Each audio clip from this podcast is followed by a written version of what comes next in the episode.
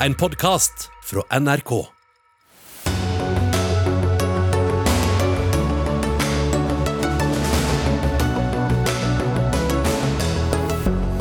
Norske småsparere skjelver over sparepenger og fond som har krympet mye i verdi på kort tid.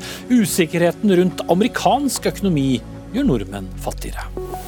Mens danskene nå gjør seg klare for gjenåpning, lurer norske arrangører om regjeringen snart har tenkt å gjøre noe med kulturarenaene.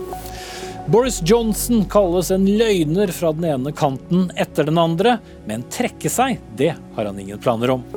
Og var det virkelig verdt innsatsen å fly terrorister fra Taliban til Norge? Ja, det ønsker vi god onsdagskveld, og velkommen til Dagsnytt 18. Jeg heter Espen Aas. Aksjemarkedene har vært gjennom litt av en utforbakke de siste ukene. Kronen har sunket og steget litt i verdi, men markedene er kort sagt urolige. Om noen timer holder sentralbanken i USA et viktig møte som fort kan få konsekvenser for lommeboken din her hjemme. Det er ventet at banken skal sette opp renten. Det store spørsmålet er hvor mye. Kristin Skau, daglig leder i stiftelsen Aksje Norge. Dere har som mål å bidra til økt kunnskap om aksjer og verdipapirmarkedene.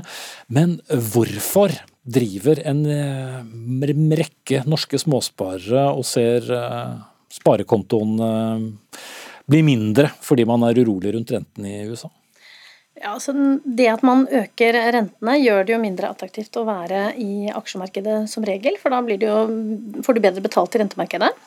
Men det som skjer nå, har jo vært at det har vært mange uroligheter, masse nyheter som er med på å påvirke aksjemarkedene. Ikke bare rentene, men det er nettopp det som er årsak til at man kommer med høyere renter. Og det er jo det inflasjonen og den generelle prisveksten, ikke bare i Norge, men også i USA, da, hvor man ser hvor det er rentemøte i dag. Da. Mm. Og da ser vi da at det har falt veldig mye, i USA spesielt, nå de første tre ukene av året. Mm. Så er det, virker det som de begynner å få litt oversikt over hva som skal skje nå. Markedet er i hvert fall noe mindre nervøst. Men som du sa til Dagens Næringsliv i dag, tusenvis av norske småsparere har ikke opplevd noen nedtur. og Hvordan reagerer de nå på at verdiene deres plutselig går ned?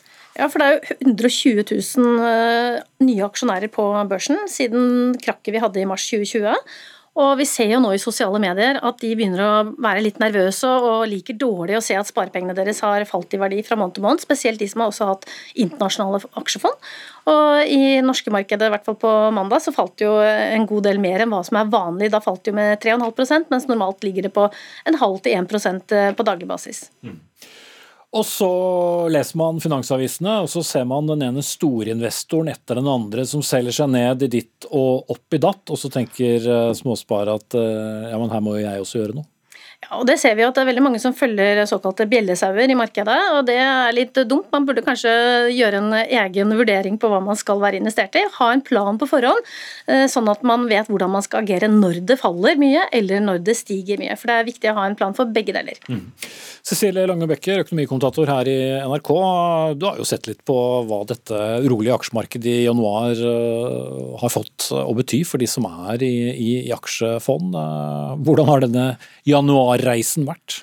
Det har, eh, det har, faktisk ikke vært så ille. Eh, altså, jeg skjønner På mandag når man sto der, så, så føltes det nok eh, ganske ille, men det har tatt seg bra opp igjen, som vi har vært inne på nå. sånn at Har du 100 000 kroner i fond, så har du tapt drøyt 2000 kroner på papiret. da, sånn Det er ikke sånne veldig avskrekkende tall. Mm.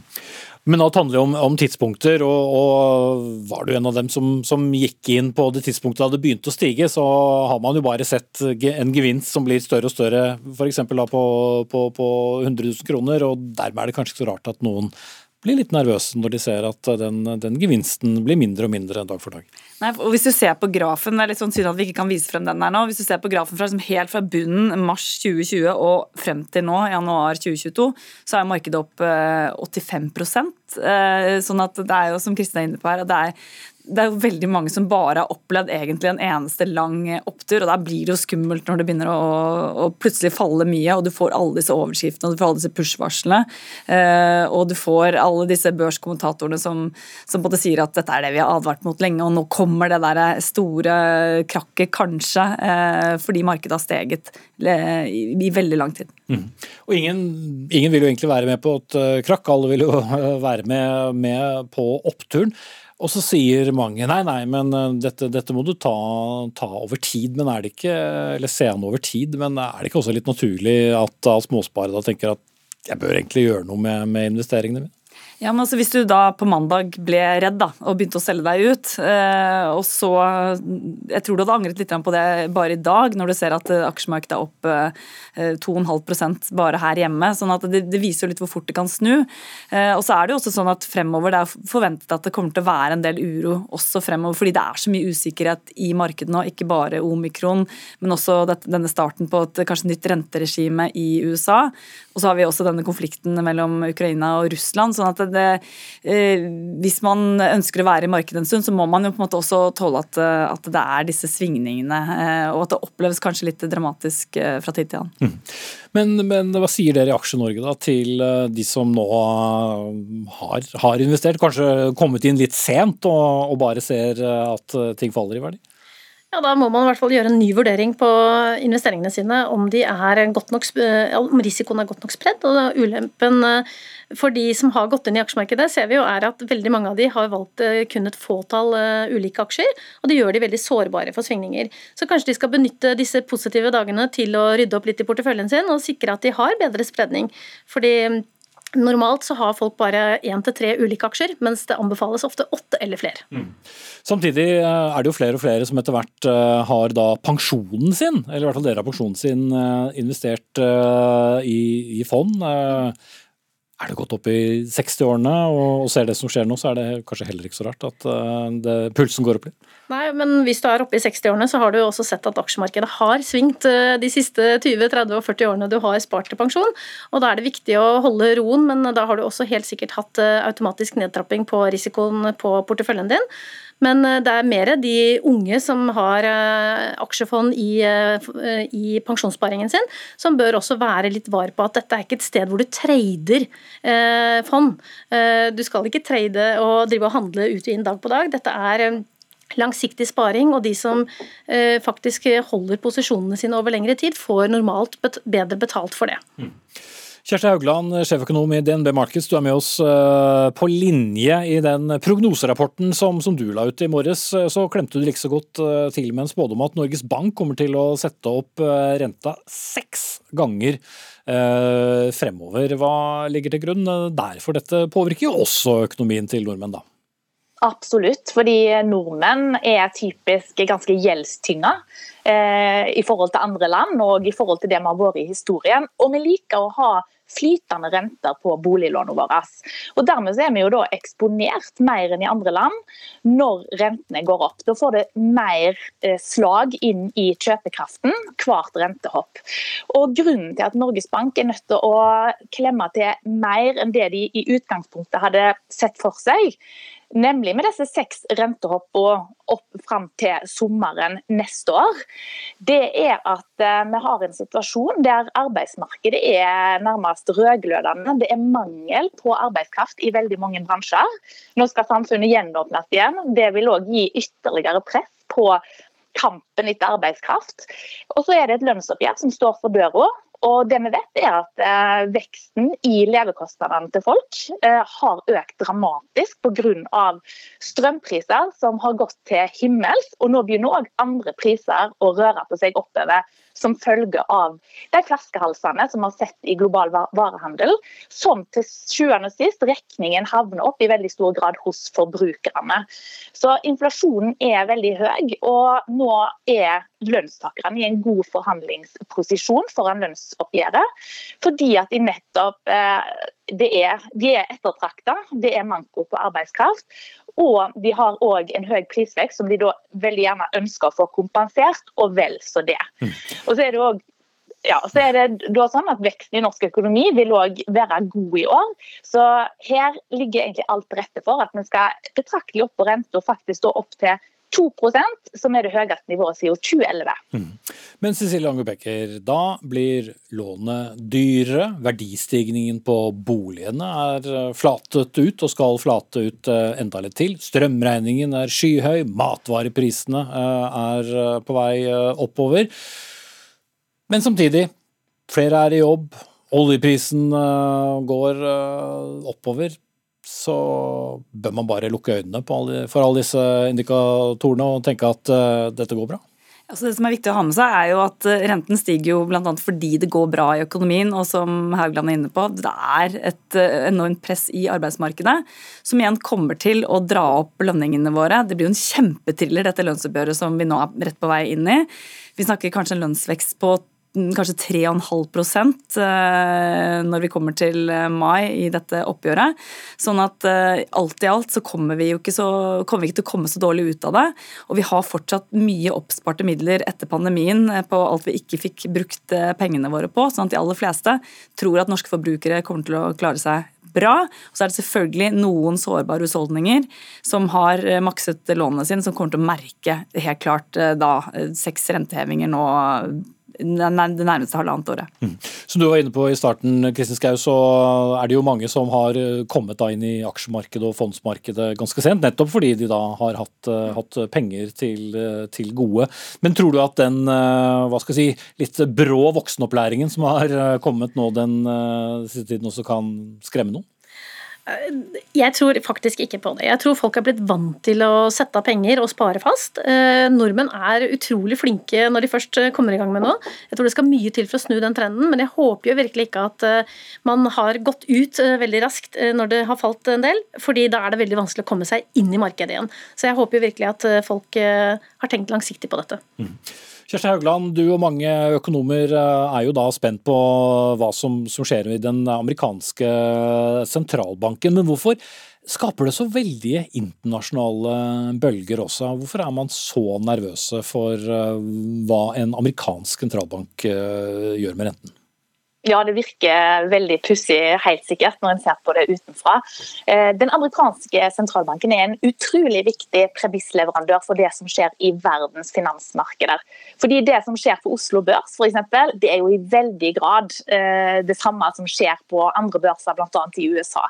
Og det er sånn at Når eh, verdens største sentralbank, eller sentralbanken i verdens største økonomi, klemmer til og skal begynne å sette opp rentene og, og redusere verdipapirbeholdningen sin, etter å ha da øst ut med likviditet eh, på helt ekstraordinært vis, eh, egentlig ganske lenge, men særlig etter pandemien, at vi går på en måte inn i revers her, det er det da frykta at kommer til å eh, føre til en ganske sterk reprising i markedene. Altså at investorer går ut av eh, verdipapirer med høy risiko, aksjer f.eks., og heller da inn i tryggere havner, som vi kaller det. Og Det kan føre til mye uro òg her hjemme i Norge. Og så er det jo sånn da, at eh, typisk så er ikke norsk økonomi så veldig sårbar for det som skjer når det rusker på børsen det er USA sin akilleshæl. fordi Der er det veldig mange som sparer i finansmarkedene. Vi har hatt tradisjonelt mindre av det i Norge. Men det er jo klart at den utviklingen vi har sett i det siste, kan jo føre til at vi òg her i Norge får en litt tettere link eh, mellom eh, oppgang og nedgang i aksjemarkedene og det som skjer med mm. forbruket, og dermed farten i norsk økonomi. Men jeg tror nok at for nordmenn flest så har ikke dette her så masse å si, med mindre dette går veldig galt. Altså at innstrammingen blir så kraftig at vi får skikkelig turbulens i finansmarkedet. Og Da kan bl.a. norske bedrifter oppleve at det blir vanskelig å skaffe seg finansiering. Annet. Så vi skal ikke undervurdere akkurat det, hva som kan skje hvis det går okay. virkelig ille. Jeg må bryte dere av der, og så er det sånn at jo større bølgen er, jo større er faren for eh, forlis. Og er du en trygg havn, så er jo da mulighetene være for å fortsette den noe maritime beskrivelsen du hadde der. Kjersti Haugland, sjeføkonom i, i, DNB, Cecilie Lange Becker, økonomikommentator i NRK, og Kristin Skau, daglig leder i Aksje-Norge.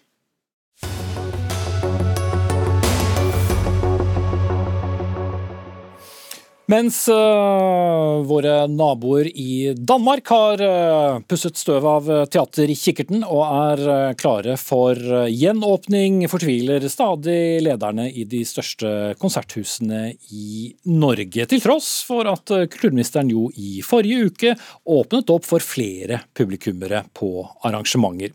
50% av kapasiteten kan brukes skjønt kun hvis publikum kan deles opp i kohorter på 200, med bl.a. egnet tilgang til toaletter, noe som har vist seg å skape utfordringer for flere arrangører. Per Harald Nilsson, administrerende direktør ved Stavanger eh, konserthus. Eh, hva slags utfordringer eh, gir dette? Ja, vi er jo veldig glad for at kulturministeren har stått på og sørget for at vi kunne ta et skritt mot eh, gjenåpning og, og større bruk av konserthusene. Det som var veldig overraskende, var at man gjeninnførte den gamle kohortordningen som vi prøvde før jul. Den har jo vist seg å være svært lite egnet. Noen konserthus, sånn som f.eks. Oslo, kan jo ikke bruke den, for det er bare ett toalettanlegg. Så har du Bergen og Stavanger som andre eksempler. Vi har kunnet bruke den, men vi så jo veldig tydelig at den hadde ingen smitteforebyggende effekt.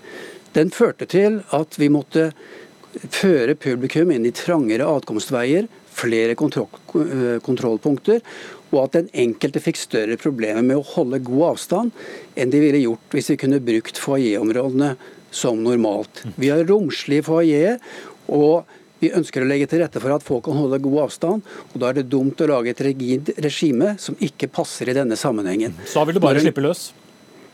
Ja, altså vi er jo helt innstilt på å overholde énmetersregelen og de reglene som ellers gjelder i samfunnet. Men vi syns ikke det er noen rimelighet i at en skal ha strengere regler i avkomstveiene våre enn man har på vei inn i et kjøpesenter eller på en flyplass eller hvor som helst okay. ellers. Eh, ja, Anette Trettebergstuen, kultur- og likestillingsminister fra, fra, Arbeiderpartiet. Du pleier å si at du forstår frustrasjonen, så du skal få slippe å, å, si den nå. Og nå kommer det jo nyheter både ja, NTB om at det store lettelser til uken. Ingvild Kjerkol har sagt til TV 2 at alle kan forvente seg lettelser til uh, neste uke. Så kan du si til Nilsson og hans kolleger at uh, alt blir bra?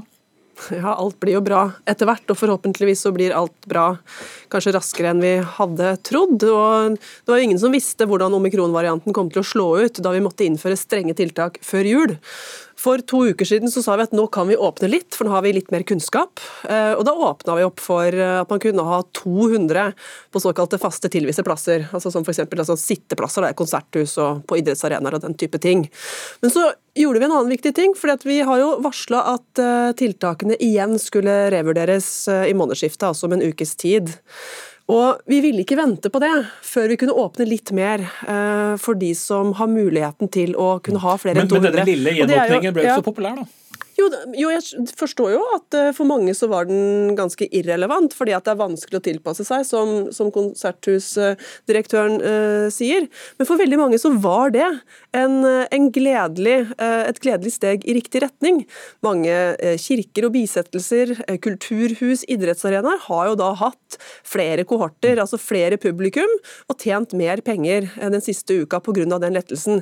Så vet, jeg veldig godt, så vet jeg veldig godt at det er ikke sånn at disse disse Eh, reglene passer for alle. og Det er jo hele poenget. At vi må bort fra den der standarden for alle. og Derfor så jobber vi jo fortsatt med, som vi varsla på pressekonferansen for to uker siden, en mer hensiktsmessig løsning. Og, og kommer det nå da til uken, også kommer, for konsertene? Det, det, kommer endringer til, til uken. og vi, Men ikke sant, vi tok over to år med koronahåndtering etter en høyreregjering som ikke hadde sett på den type tilpasninger. Vi gjør det nå, og jeg kan, vet veldig godt, og jeg mener også at det med kohorter det er et kinkig og inngripende tiltak som skaper mye plunder og heft der ute. Vi jobber for at det skal forsvinne så fort som mulig. Ja, men jeg gir forståelse for at jeg ikke kan snakke om hvilke endringer vi gjør til neste uke. Nilsson. Eh, det skal regjeringen ta stilling til først til neste uke. Nilsson. Ja.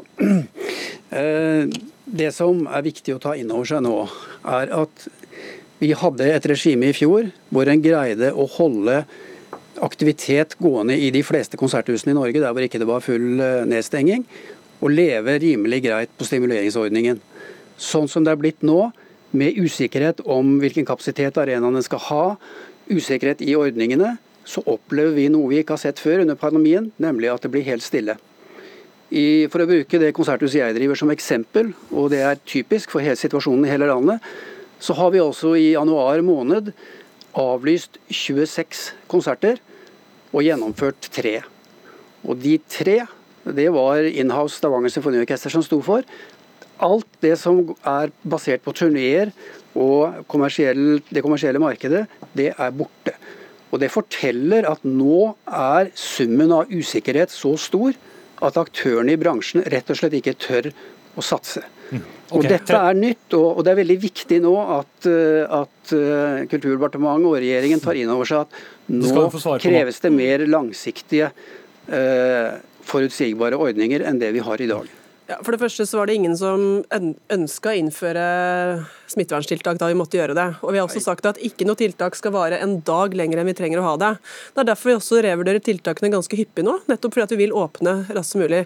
Og Da må man ha forståelse for at uh, vi kan ikke planlegge nå hva som vil være tiltakssituasjonen om fire uker. Da vil Men, men kulturbransjen sier at den står etter ja. kjøpesenteret, etter fly, Nei, etter tog, etter Nei, alle? Absolutt ikke. Uh, og det, var, det, er jo arrangementer som er fellesnevneren her for de som uh, må oppleve denne avstandsbegrensningen, ikke hvilken næring du tilhører.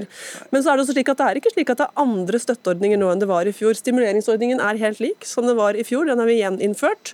Og så sier vi at det kommer lettelser i neste ja. uke. Men poenget var jo det at vi åpna for 200 i forrige uke, men så sa vi at for de som har mulighet til å håndtere mer enn det, så skal de jo måtte kunne håndtere det. Og jeg forstår at det er irriterende for de som ikke har kunnet håndtert det, okay, men nå er vi i ferd med å finne bedre og mer hensiktsmessige løsninger. Hørtes som Nilsson hadde mer på hjertet. Ja, jeg må si det at eh, Vi er jo i den situasjonen at vi faktisk kan bruke kohortsystemet. Men vi kommer ikke opp i mer enn 35% allikevel. Sånn at det fungerer ikke etter hensikten, og det har heller ikke den smitteforebyggende effekt som man egentlig var ute etter. Men det andre perspektivet som jeg gjerne ville trekke opp her nå, det går ikke på selve smitte- eller antallsbegrensningene, men det går på de økonomiske kompensasjonsordningene som ligger i bunnen her. Og så Jeg har forståelse for at regjeringen kan ikke forutsi eh, hvordan en pandemi skal utvikle seg. Men det man kan gjøre, det er å skape større forutsigbarhet i stimuleringsordningen, som har vært basisen for aktiviteten gjennom pandemien. Og det er helt riktig, den er ikke endret i forhold til det som var før. Det, det jeg prøver å formidle nå, er at mens det fungerte i fjor, så er nå situasjonen blitt sånn, ikke pga. regjeringens handlinger, men situasjonen er blitt sånn at summen av usikkerhet er for stor. Mm. Stimuleringsordningen hadde de svakhetene den fortsatt har, også under forrige regjering. Og min henstilling er nå at den nye regjeringen tar de inn over seg og ser på situasjonen. Ok, Svar kort på det til slutt, Trettebergstuen. Ja, jeg ser på situasjonen døgnet rundt nå. Dette er, det, dette er, alvorlig for kulturnæringene. Eh, og Det er de jeg går på jobb for hver eneste dag. og Vi gjør alt vi kan for å uh, forbedre ordninger. Kompensasjonsordningen forbedrer vi etter innspill fra bl.a. dere og hele kulturlivet. Stimuleringsordninga er gjeninnført slik som kulturlivet ville at den skulle bli innført. Og så er det som sagt slik at Vi ser på en mer hensiktsmessig måte å ha avstandsbegrensninger på, slik at konserthusene og kulturhusene og de større arenaene kan, kan, fylles opp på en bedre måte. At flere folk kan gå på jobb, at vi som publikum kan samles flere for å få gode og, og livsviktige opplevelser om, om, veldig kort tid. Ok, Da får vi se hvordan det blir til uken. Takk til Per Harald Nilsson, administrerende direktør i Stavanger holdt jeg på å si kohorthus, men konserthus, og Anette Trettebergstuen, kultur- og likestillingsminister.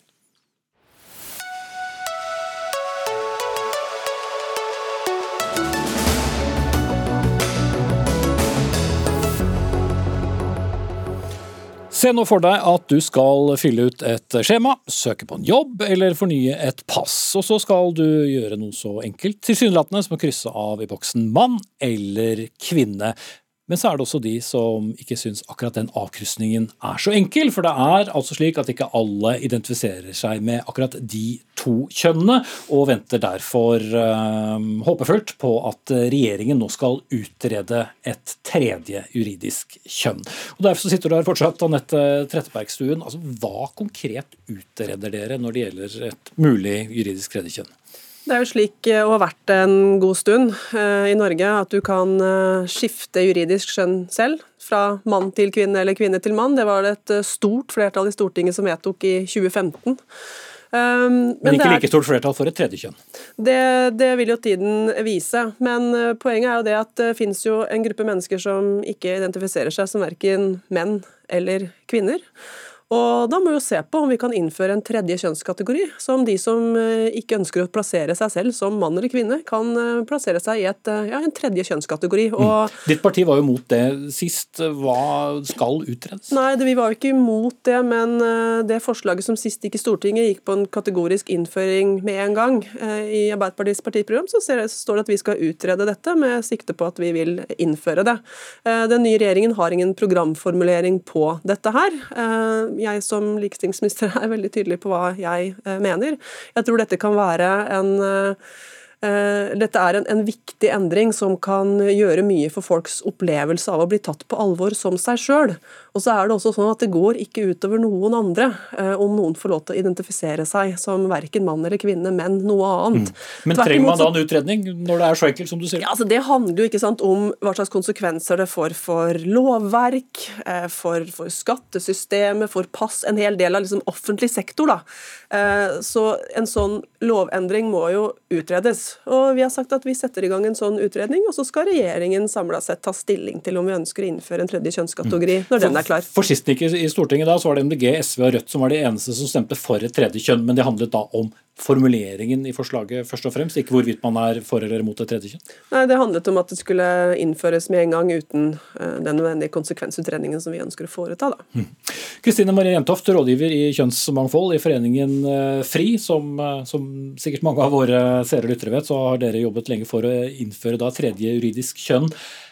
Er da denne utredningen en seier? Vi ser på det som en positiv ting i at det vil forankre eh, en eventuell lov eh, når det kommer. Ser du at man ikke bare kan sette opp en ekstra boks eh, over natten? Altså Hva jeg personlig ønsker, er jo at dette skal bare gønnes på, men eh, det er alltid lurt å ha uh, muligheten for å kunne vise til at her er det gjort et skikkelig stykke arbeid uh, før. Men med det sagt så skal, ønsker vi jo gjerne at dette skal skje fortest mulig, slik at de av oss det gjelder, skal få anerkjennelse fortest mulig. Dette er jo en debatt som vigler opp mye følelser, eh, fordi det handler om identitet for, for veldig mange, og en god del andre ting eh, for andre. Men mange vil også si at det ikke bare nødvendigvis er tre kjønn, at man eh, ikke nødvendigvis kan passe inn i de tre kategoriene heller. Så hvorfor er tre kjønn det riktige? Vel, nå har vi hatt eh, to eh, ganske lenge, så er det kanskje greit å begynne med å legge til én til eh, først. Og nå har ikke jeg spurt alle som opplever seg som noe annet enn mann og kvinne, hvor mange kjønn det er, og hvor mange kjønn de har for opplevelse av seg selv. Men det er greit at de, vi begynner med én, og så Men, men det blir da en slags sekke, sekkekategori? Ja, men på samme måte er mann og kvinne også en sekkekategori for de utallige måtene vi gjør kjønnene mann og kvinne på. Med oss på linje, dere har på dere hodetelefoner, det er bra. Einar Helgaas, du står bak et opprop som eh, heter 'Vern våre barn mot kjønnsforvirrende undervisning', som nylig sto omtalt i avisen Vårt Land. Vi skal ikke debattere undervisning denne gangen, men du er blant de som har eh, veldig sterke meninger om at vi ikke skal innføre et eh, juridisk tredje kjønn. Hvorfor ikke? Nei, altså det er klart, Dette handler litt om definisjonsmakt òg, i forhold til hvem skal vi gå til for å finne ut hvor mange kjønn vi eventuelt har. Det har pleid å være biologer, leger, eh, og dit bør vi fortsatt gå. Du kan si Den biologiske sannheten, nemlig at det finnes bare to kjønn, den, eh, den går ikke ut på dato. Selv om vi har lyst til å modernisere, så tror jeg det å å holde på det fakta som er et vitenskapelig fakta. Og Vi har jo en opplæringslov i Norge som snakker om at vi skal basere undervisning og vårt samfunn på vitenskapelig tenkemåte. Eh, Og Vitenskapen den sier at det finnes bare to kjønn, og da må vi klare å forholde oss til det. Uh, Jentoft og så Trettebergstuen. Ja, nå er det ikke sånn at noen hevder at det finnes flere enn to eh, reproduktive kjønnsceller, men vi mennesker er ganske mye mer enn underlivet vårt og cellene vi produserer. Og dette må vi kunne anerkjenne, all den tid vi vet at folk har oppfatninger om seg sjøl som eksisterer utenfor hva de har i buksa. Mm, Ja, det er jo helt riktig som Jentoft uh, sier, og jeg er også opptatt av, av, vitenskap og hvordan verden er. Og vi vet jo det, at det fins mange mennesker i dag som verken kjenner seg som kvinne eller mann, men føler seg som noe annet. Og eh, hvis de kan få et bedre liv av å få lov til å også eh, offentlig uttrykke det ved å velge en annen kategori enn mann og kvinne, så syns jeg vi skal legge til rette for det. Det truer eh, ingens eh, bilde av hva som er mann eller hva som er kvinne. Det gir egentlig bare flere folk en, en tryggere og bedre hverdag. Og jeg tenker at For de som, som han her som er veldig opptatt av å å slå fast eh, og sikre kvinners rettigheter og menns rettigheter, så vil det være en bra ting da, om vi innfører en tredje kjønnskategori. Så slipper folk å skifte mellom mannlig og kvinnelig kjønnskategori, men kan, eh, kan eh, rendyrke de kategoriene fordi de er. Så kan de som ikke føler seg som det, få lov til å, å tilhøre sin egen kategori. Det kan da vel ikke skade noen. Helgås. Altså, De som f.eks. For foretar kjønnsskifte, de går jo fra mann til kvinne eller fra kvinne til mann. Eh, sånn at, eh, sånn at, eh, De to kategoriene fungerer jo til og med for de som såkalt bytter kjønn, selv om det egentlig ikke er teknisk mulig. Ja, og jeg ønsker meg jo en, en verden der det å rent fysisk skifte kjønn i en operasjon kanskje ikke blir nødvendig for så mange. Og jeg tror at Kanskje vil noen som i dag føler seg eh, kalla til å gjøre det, eh, kunne ha det bedre ved å kunne identifisere seg som noe midt imellom, som en tredje kjønnskategori. Og Det tenker jeg også de som er de mest standhaftige eh, motstanderne av, av kjønnsendring, skal, skal, tenke litt på. At for mange kan dette være et godt alternativ til bare for å være den du er, uten å måtte gjøre noen drastiske endringer, slik det medfører. da. Du har jo selv endret juridisk kjønn, Jentoft? Det har jeg. Eh, og så er det også eh, greit å nevne at ikke alle, men mange av de som opplever seg også som noe annet enn mann og kvinne, ønsker medisinsk behandling. Og det, Ved å anerkjennes juridisk vil det være lettere for de å faktisk oppsøke den medisinske behandlinga i den graden de ønsker det selv. Istedenfor å måtte følge et sånt standardisert eh, løp som det ofte har vært i Norge, for hvordan kroppen skal se ut og hvordan vi skal være. Mm. Eh, ok, eh, Einar Helgaas, eh, tenker du at det får noen reelle samfunnskonsekvenser hvis vi skulle innføre et tredje juridisk kjønn? Altså, det er klart at uh, det vil alltid ha konsekvenser for et samfunn når du går bort fra en grunnleggende vitenskapelig tenkemåte rundt kjønn. Som sagt så finnes det ikke flere kjønn. Og, og Når vi har dette oppropet vårt, så er jo det fordi at vi ønsker at skoler og barnehager også skal preges av en riktig, en sann undervisning om kjønn. Fordi det å forvirre på dette området ikke er, er gunstig for de som vokser opp. Mm. Men jo, Det var kanskje et litt rundt svar. Da. Får det noen direkte eh, samfunnskonsekvenser? Altså, og, og så fall hva? Nei, for de få som, som, trenger å krysse av i en sånn boks, så er det klart at, at det vil jo ikke ha de store ringvirkningene for, for, for, for, mange i Norge. Det ser jeg jo. Men jeg er litt redd for å åpne den døren, eh, fordi jeg ikke ser at det ligger en vitenskap eh, som, som eh, Men Kommer det en utredning, da tenker du ikke at det da vil bli ivaretatt? Ja, Det vil jo vise seg. Vi må jo se hvordan, hvordan det lander. Mm. Jeg må sette strek der, og så vet jeg at dette er en debatt som pågår for fullt eh, også i helt andre kanaler mens vi har pågått her. Takk til Anette Trettebergstuen, kultur- og likestillingsminister, Kristine Marie Jentoft, rådgiver i Kjønnsmangfold i FRI, og Einar Helgås.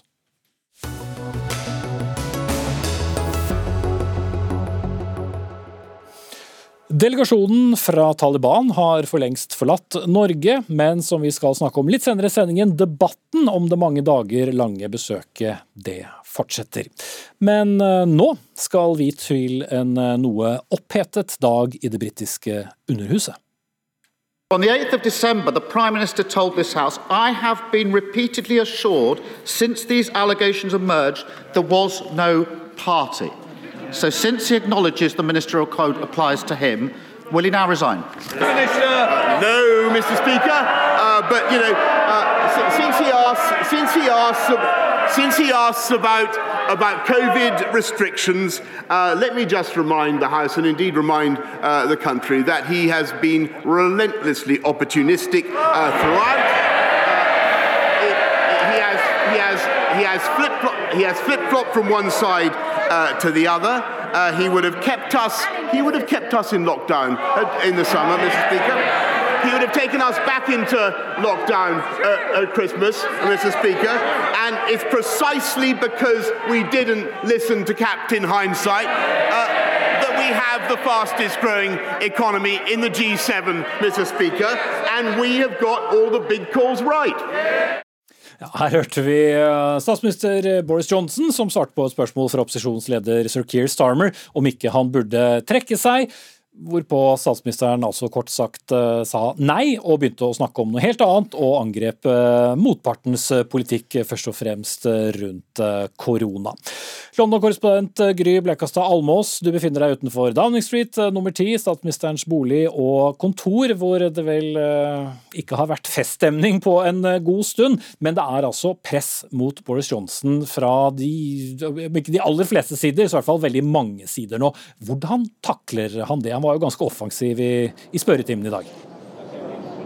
Ja, Du svarer selv. Han var, eh, takler det ved å være offensiv. og Gang på gang så ble han bedt om å gå, og gang på gang så svarte han at det har han ingen planer om å gjøre. Og han, eh, Hans strategi var tydeligvis i dag å prøve å løfte fram så mange politiske saker som mulig som han mener at eh, hans regjering har lyktes med i den perioden den har sittet.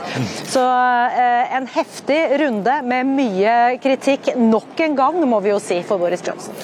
Det mange venter på nå, er en egen granskingsrapport rundt disse påståtte, eller ikke påståtte, men rundt disse festene som da har foregått på en tid hvor det ikke var lov å ha fest. Hva er den ventet å inneholde?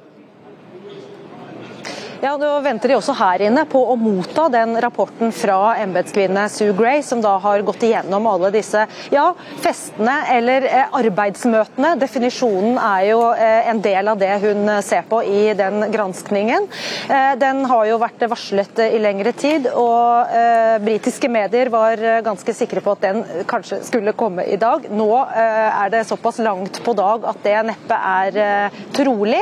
helt umulig er det ikke, men det kan kan vel nå se ut til at den eh, rapporten ikke legges frem før tidligst eh, i morgen, og kanskje til og med over helgen. Mm. Foreløpig takk til deg, eh, Gry, i Downing Street. Og så skal vi hente inn en mann som har fulgt britisk politikk en årrekke. Professor i politikk ved universitetet i Cardiff, Richard Wynne Jones, som svarer på, på engelsk, og så oversetter jeg underveis. First of all, can Boris Johnson actually survive even this? Uh, he's hanging on by his fingertips. Um, anybody else would have gone already. I, I, can't think of any post Second World War prime minister who would not have resigned by this point. He's determined. He's shameless. He's absolutely shameless. His big advantage is one, he is shameless, and two.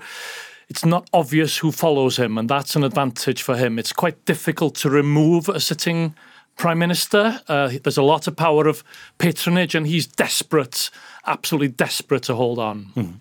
En, en, desperat statsminister som, som, klorer seg fast, og hvis eh, to største fordeler er altså at han er fullstendig skamløs og heller ikke har noen reelle utfordrere. But if this report shows a prime minister who has lied to parliament and lied to the public, then what? Well, one of the things, I mean, Boris Johnson has always been a liar. He he. One of the interesting things is that Boris, this character we know by the first name, and you know English politics in particular is not like Norwegian politics. You don't call Theresa May Theresa or David Cameron Dave Dave or David. You know it's been Boris, and he's been this guy who's been able to get away with it over the years. He's been known to be a liar, to be chaotic, but somehow people have loved him for this. And suddenly all of this has changed and he's he's now as unpopular as Jeremy Corbyn was at his lowest moment. So, you know, he's hanging on but the the cheap the cheeky chappy, the guy who people loved, that's gone forever. So I think it's a matter of time. But as I said earlier, the power of patronage allows him to hang on and hang on and hang on, and he's determined to try to do that. Mm. Ja, Boris i, i, Boris Johnson har også falmet. Uh, som Richard Wynne Jones sier, han var jo en politiker som hele Storbritannia mer eller mindre var uh, på, på fornavn på. En, en, morsom, annerledes uh, type, men mye av dette er, er borte. But there is an opposition. We heard them in parliament today.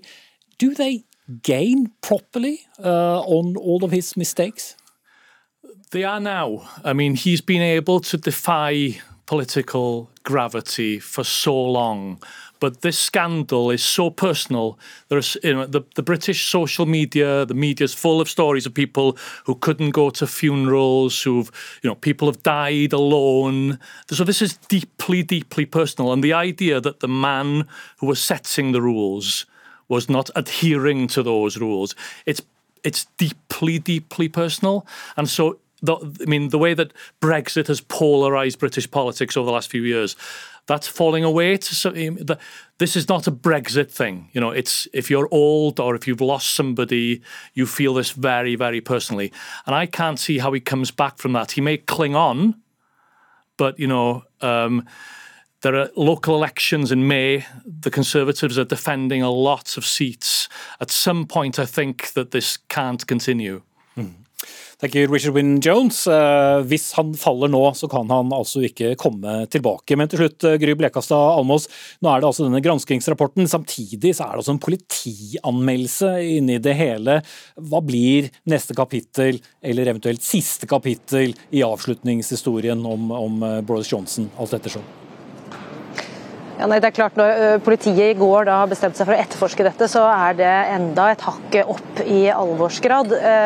Det sier seg selv, men, men, bare denne regjeringsoppnevnte rapporten som alle her venter på nå, er jo alvorlig. Den vil jo for mange konservative politikere i parlamentet avgjøre hvorvidt de ber om et mistillitsvotum over sin egen statsminister. Hvis 54 parlamentarikere fra det konservative partiet, eller flere da, gjør det, så blir det et slikt votum i parlamentet parlamentet. Og det kan jo bety at Boris Johnson faller allerede før politietterforskningen er ferdig.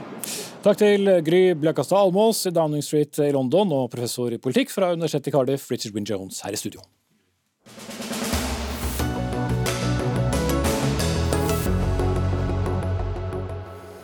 Mens eh, den høyst kontroversielle visitten på norsk jord fra Taliban er eh, over, har debatten om poenget med besøket langt fra lagt seg. Utenriksdepartementet har gjentatte ganger understreket at de ikke anerkjenner Taliban, men likevel eh, valgte Utenriksdepartementet å sende statssekretær i UD, Henrik Tune, i direkte møte med nettopp eh, Taliban. En statssekretær, eh, for de som ikke vet det, er rangert som nummer to politisk i et departement, etter statsråden eller ministeren da, i dette tilfellet. Vi inviterte statssekretær Henrik Tune hit i studio. Han var forhindret fra å komme, men i utenrikskomiteen for samme parti finner vi deg, Åsmund Aukrust, fra Arbeiderpartiet. Oppnådde vi det vi ønsket? Ja, det vi har oppnådd er jo at Taliban har kommet til Oslo og møtt eh, afghanske aktivister. Kvinneaktivister, menneskerettighetsforkjempere, journalister. Det er klart det var et veldig viktig formål for oss. Eh, nå har de fått sitte sammen for første gang siden Taliban tok makta for ja, et drøyt halvt år siden. Eh, så de samtalene fant sted. Det har en verdi i seg sjøl. Men hva slags resultater dette vil gi, det er jo altfor tidlig å si. Mm. Det må vi vente på hva som skjer når eh, Taliban kommer hjem igjen. for det er klart eh, Målet er å få til forandringer på bakken i Afghanistan. Mm. Og Hvis det nå var et uh, talibansk Dagsnytt 18 og deres utenriksminister uh, satt der, og han hadde fått spørsmålet har dere oppnådd det dere ønsket, hva tror du han hadde svart?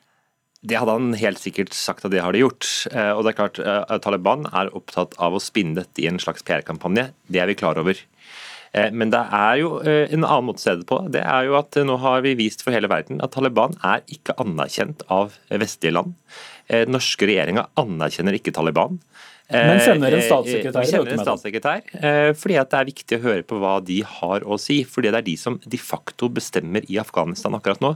Afghanistan står på randen av stupet. Vi står overfor en humanitær kollaps i Afghanistan, og det kan vi ikke se på med åpne øyne. Og, og det gjentas jo ofte, men når vi på den ene siden sier at vi ikke anerkjenner det, men likevel sender da nummer to i, i departementet, er ikke det litt forvirrende? Jeg skjønner at det er, det er jo dilemmaer. Eh, og dilemmaet er spørsmålet er skal vi møte Taliban, eller skal vi ikke det? Eh, burde de møtene finne sted i Norge, eller burde de ikke det? Jeg mener at helt åpenbart at verden må møte Taliban, for de sitter med ansvaret i Afghanistan. Og hvorfor bør det være Norge? Jo, fordi Norge har en unik kompetanse på dette. Vi kan gjøre dette på en måte som ingen andre land gjør, hvor vi får inn sivilsamfunnsaktører, vi får inn aktivister. En av de damene som har vært her og møtt Taliban første gang, dro rett fra Oslo til New York, eh, hvor hun nå har sittet i Sikkerhetsrådet, som denne akkurat i dag ledes av Jonas Gahr Støre, hvor hun har fortalt sine historier om situasjonen i Afghanistan. Hun er jo en aktivist som selvfølgelig eh, risikerer hele livet sitt for den jobben hun gjør, men hun sier at det var veldig verdt det at Norge tok dette initiativet, og da mener jeg det riktig å gjøre det. Ikke alle mener det. Omran eh, Mansour, jurist. eh, Tidligere har du også jobbet i Afghanistan-komiteen. Du er blant de som reagerte veldig sterkt på, på disse møtene. Er du helt sikker på at ikke det kan lede til noe positivt for eh, hjemlandet? Jeg er ganske sikker på at det her ikke kommer til å lede til noe positivt. Eh, Og Grunnen til at jeg sier dette her, fordi at Taliban er ikke noe nytt. Taliban har eh, vært der siden, for alt jeg vet, siden tidlig 90-tallet. Og har, gjort, har vist hva de står for i løpet av mange år.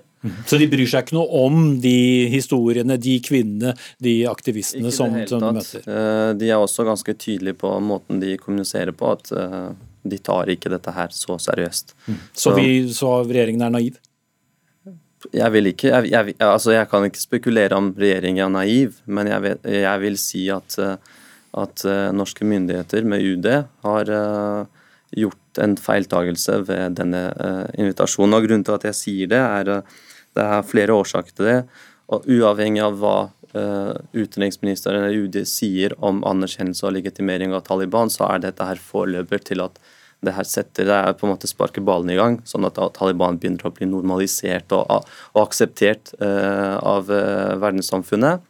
Jeg må bare, bare plukke opp det. Aukrust, ble det sagt fra vår, eller deres statssekretærs side vi anerkjenner ikke dere som myndighetene i Afghanistan? Ja.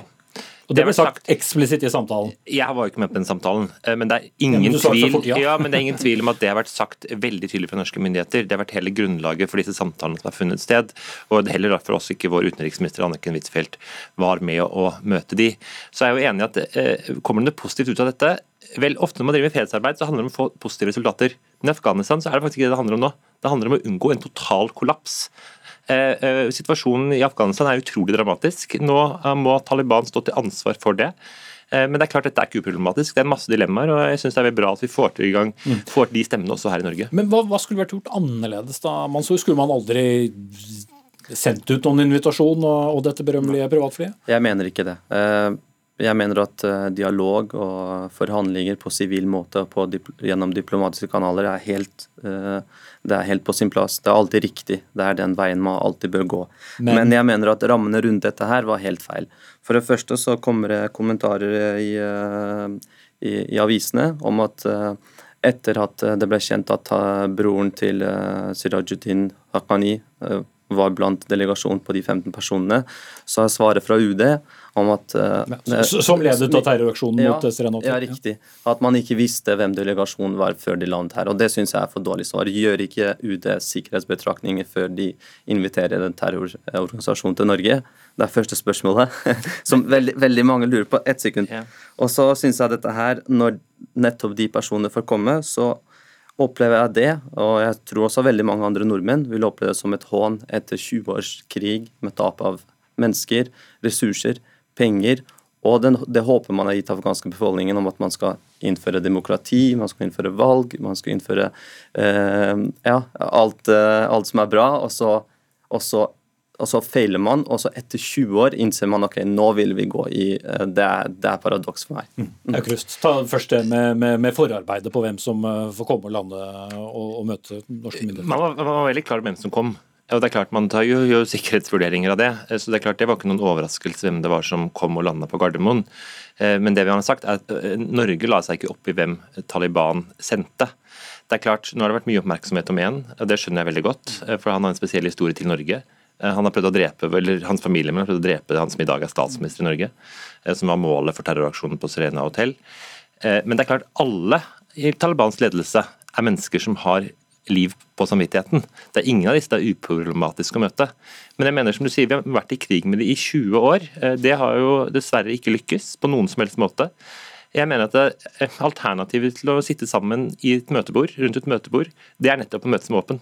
Eh, Det vet vi at ikke løser situasjonen eh, for det afghanske folk. Derfor så mener jeg at det er riktig å gjøre forsøk. Så kan det mislykkes. Det er alltid en stor risiko med freds- og forsoningsarbeid at det mislykkes, men når man lykkes, så, gir det, så er resultatene så store og så viktige at det er verdt å ta Så har det kommet eh, noen løfter, da.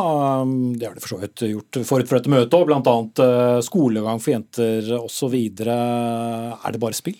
Det er, det er ikke noe vi kan ta dem på ordet. fordi etter at de overtok, eller jeg vil understreke, overtok ikke, ble tildelt makten eh, i august, så har så, eh, Tildelt fordi alle bare stakk? Tildelt, eh, tildelt som følge av f- den såkalte samarbeidsavtalen mellom USA og Taliban. Uh, Det var direkte årsak av det. Og at, sånn som jeg vet, så hadde soldater fått beskjed fra høyre hold, fra generaler, om å ikke skyte mot Taliban. Og dette er ikke noe, det er ikke konspirasjon. Dette er det som skjedde. Altså, det, det er derfor jeg kaller det tildelt og ikke eh, overtatt. De ble overrekt makten. Du var innom eh, Serena Hotel på Olav Ødegaard, du er kommentator i, i VG og var i Afghanistan tilbake i 2008, den, den veldig dramatiske dagen da din kollega Karsten Thomassen og fem andre eh, ble drept. Hvordan opplevde det for deg at dette møtet ble avholdt i Norge, og da du etter hvert ble kjent med hvem som kom? Jeg syns det var helt uvirkelig å se de bildene fra flyet med Taliban-topper, eh, inkludert en Haqqani, eh, et medlem av den familien, eh, som var på vei til Oslo i et fly som så ut som akkurat det flyet jeg reiste sammen med daværende utenriksminister Jonas Gahr Støre i, til eh, Afghanistan, til Kabul i eh, 2008. Eh, Vi reiste ned dit, og det var en ganske krevende tid i Afghanistan da også, når det gjaldt sikkerheten eh, og eh, utvikling av landet. Eh, Og Det var jo en årsak til at han reiste, og vi også var der for å dekke det. Eh, Og Vi reiste jo hjem noen få dager senere med det samme flyet. Eh, Og da var vi jo i sjokk og i, eh, eh, og i fortvilelse over det som i mellomtiden hadde skjedd med det terrorangrepet mot hotellet. Og at disse folkene da skulle komme, eller noen av disse skulle komme til Norge 14 år senere, det var, en vanskelig, det var vanskelig å ta inn. Mm. Og en kommentar i din egen avis så, så skriver du da at det vi skylder Taliban minst av alt er en eh, diplomatisk uh, anerkjennelse. Men samtidig så argumenteres det jo at uh, alternativene er jo heller ikke så mange til å prøve. Nei, altså eh, Rasjonelt så sier meg at vi må ha kontakt med, med Taliban, fordi det er tross alt de som styrer i landet. Eh, eh, Følelsesmessig så syns jeg det er vanskelig, men det rasjonelle tilsier det. Jeg tror ikke vi har noe annet valg enn å forholde oss til det, at de nå styrer landet. og jeg jeg, jeg, Vi skylder absolutt ikke Taliban noe som helst, tvert om. Men eh, jeg tror vi skylder, og, og det afghanske folk fortjener, at vi gjør det vi kan for at de kan motta den hjelp de trenger. Og vi må forsøke, akkurat som vi gjør med alle autoritære regimer, og Taliban har installert et religiøst diktatur i, i Afghanistan igjen. eh, Og vi skylder Vi må ta opp dette med menneskerettigheter, med kvinners rettigheter, slik vi gjør i forhold til alle andre autoritære regimer, og vi må finne møtesteder. Så um, ja, vi må ha kontakt. Det er vanskelig, men jeg tror det er viktig. Men som din sidemann eh, Mansour sier, jo mer kontakt eh, man har, jo mer form for anerkjennelse blir jo dette, da. Ja, og Dette blir jo krevende. Vi, vi aksepterer på sett og vis at det er de som nå sitter med makten. Jeg tror vi må vokte oss vel for å gå den veien at man anerkjenner det regimet som er der. Det er det ingen grunn til nå. Eh, Og man må være nøye på at man har kontroll over de midlene som kommer inn til Afghanistan, at hjelpen virkelig kommer frem til folk. Og jeg tror akkurat nå i første omgang så er det nok det som er det viktigste, at man sikrer at hjelp når fram. Det er en veldig kritisk situasjon, og jeg tror Norge, som andre, er vel, altså vi, vi, Det vil også ramme oss hvis det kollapser fullstendig i Afghanistan. Eh, Det er det sørgelige faktum. Vi skal snakke om det om, om, om kort tid. Men til slutt, Åsmund Aukrust, undervurderte dere reaksjonene på dette besøket? Nei, det gjorde vi aldri. Det er klart det jo Og da, da det- mener jeg også Talibans uh, PR-jubel. at, at Taliban kommer til å spinne et sånt besøk, det visste man jo på forhånd. Uh, Men det er klart at uh, dette er en eh, risiko vi mener det er veldig viktig å ta, for Afghanistan står på randen av en kollaps. Én millioner barn kan dø i løpet av dette året. Eh, Da er klart det er det viktig å få i gang den politiske dialogen. Eh, Det har vært det viktigste. og Vi har stilt strenge krav om at eh, hjelpen må fram. eh, Skolene for jenter må åpnes. Vi må få i gang politisk prosess. Når vet vi om dette var verdt det? Ja, Det vil jo tiden vise. Men jeg mener at uansett så er forsøk på dialog, forsøk på forsoning og fredsarbeid er alltid verdt det. Så får vi se om vi får de resultatene som vi håper på, at vi ikke får en fullstendig sammenbrudd i Afghanistan. Det er i hvert fall delte meninger om det rundt eh, bordet her. Eh, Åsmund Aukrust, stortingsrepresentant fra Arbeiderpartiet, Omran Mansour, jurist, og Per Olav Ødegaard, kommentator i VG.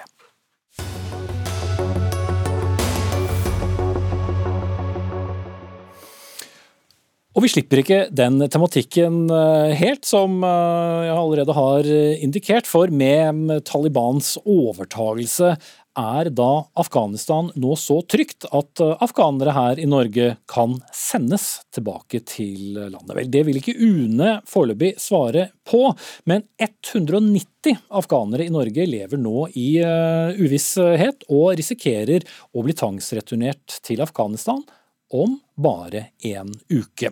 For Norge stoppet altså tvangsreturen til Afghanistan da Taliban eh, tok makten i Afghanistan, men den returstoppen gjelder bare ut januar. Og om den blir forlenget eller ikke, vel, det får vi ikke noe svar på.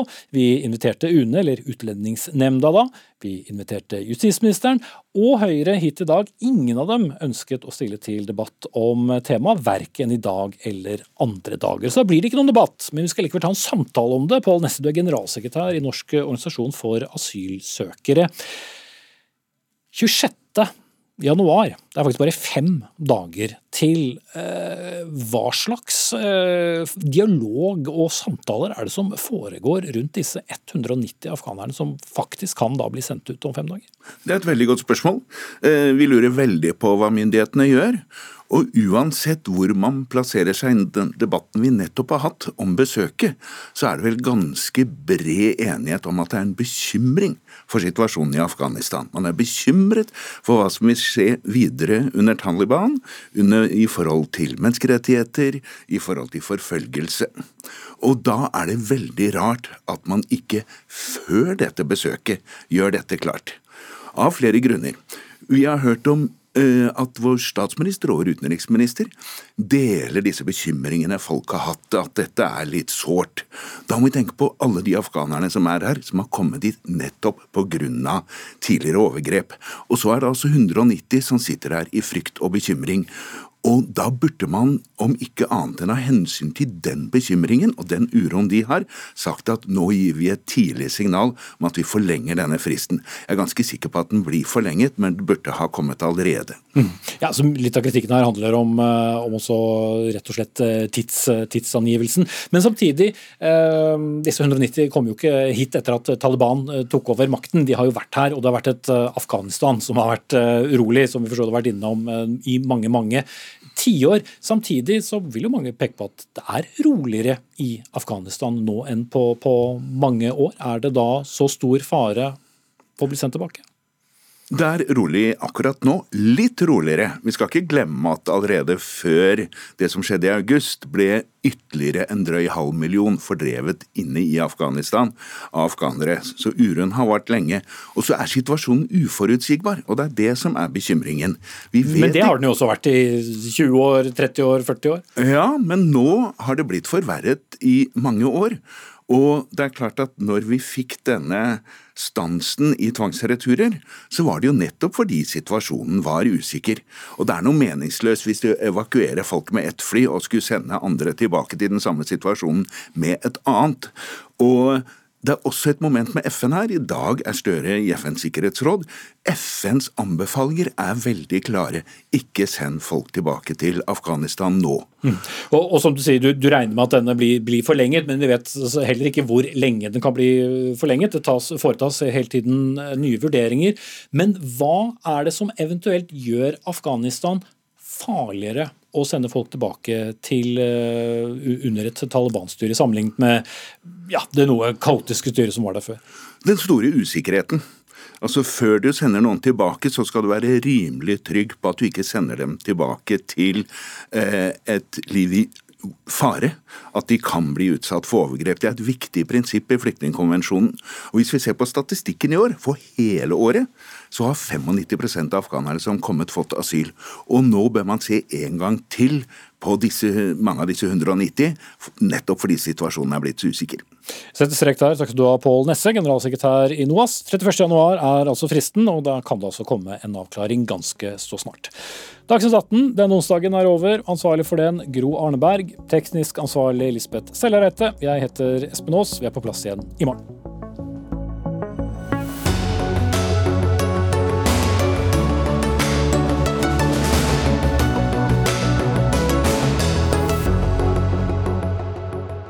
Du har hørt en podkast fra NRK.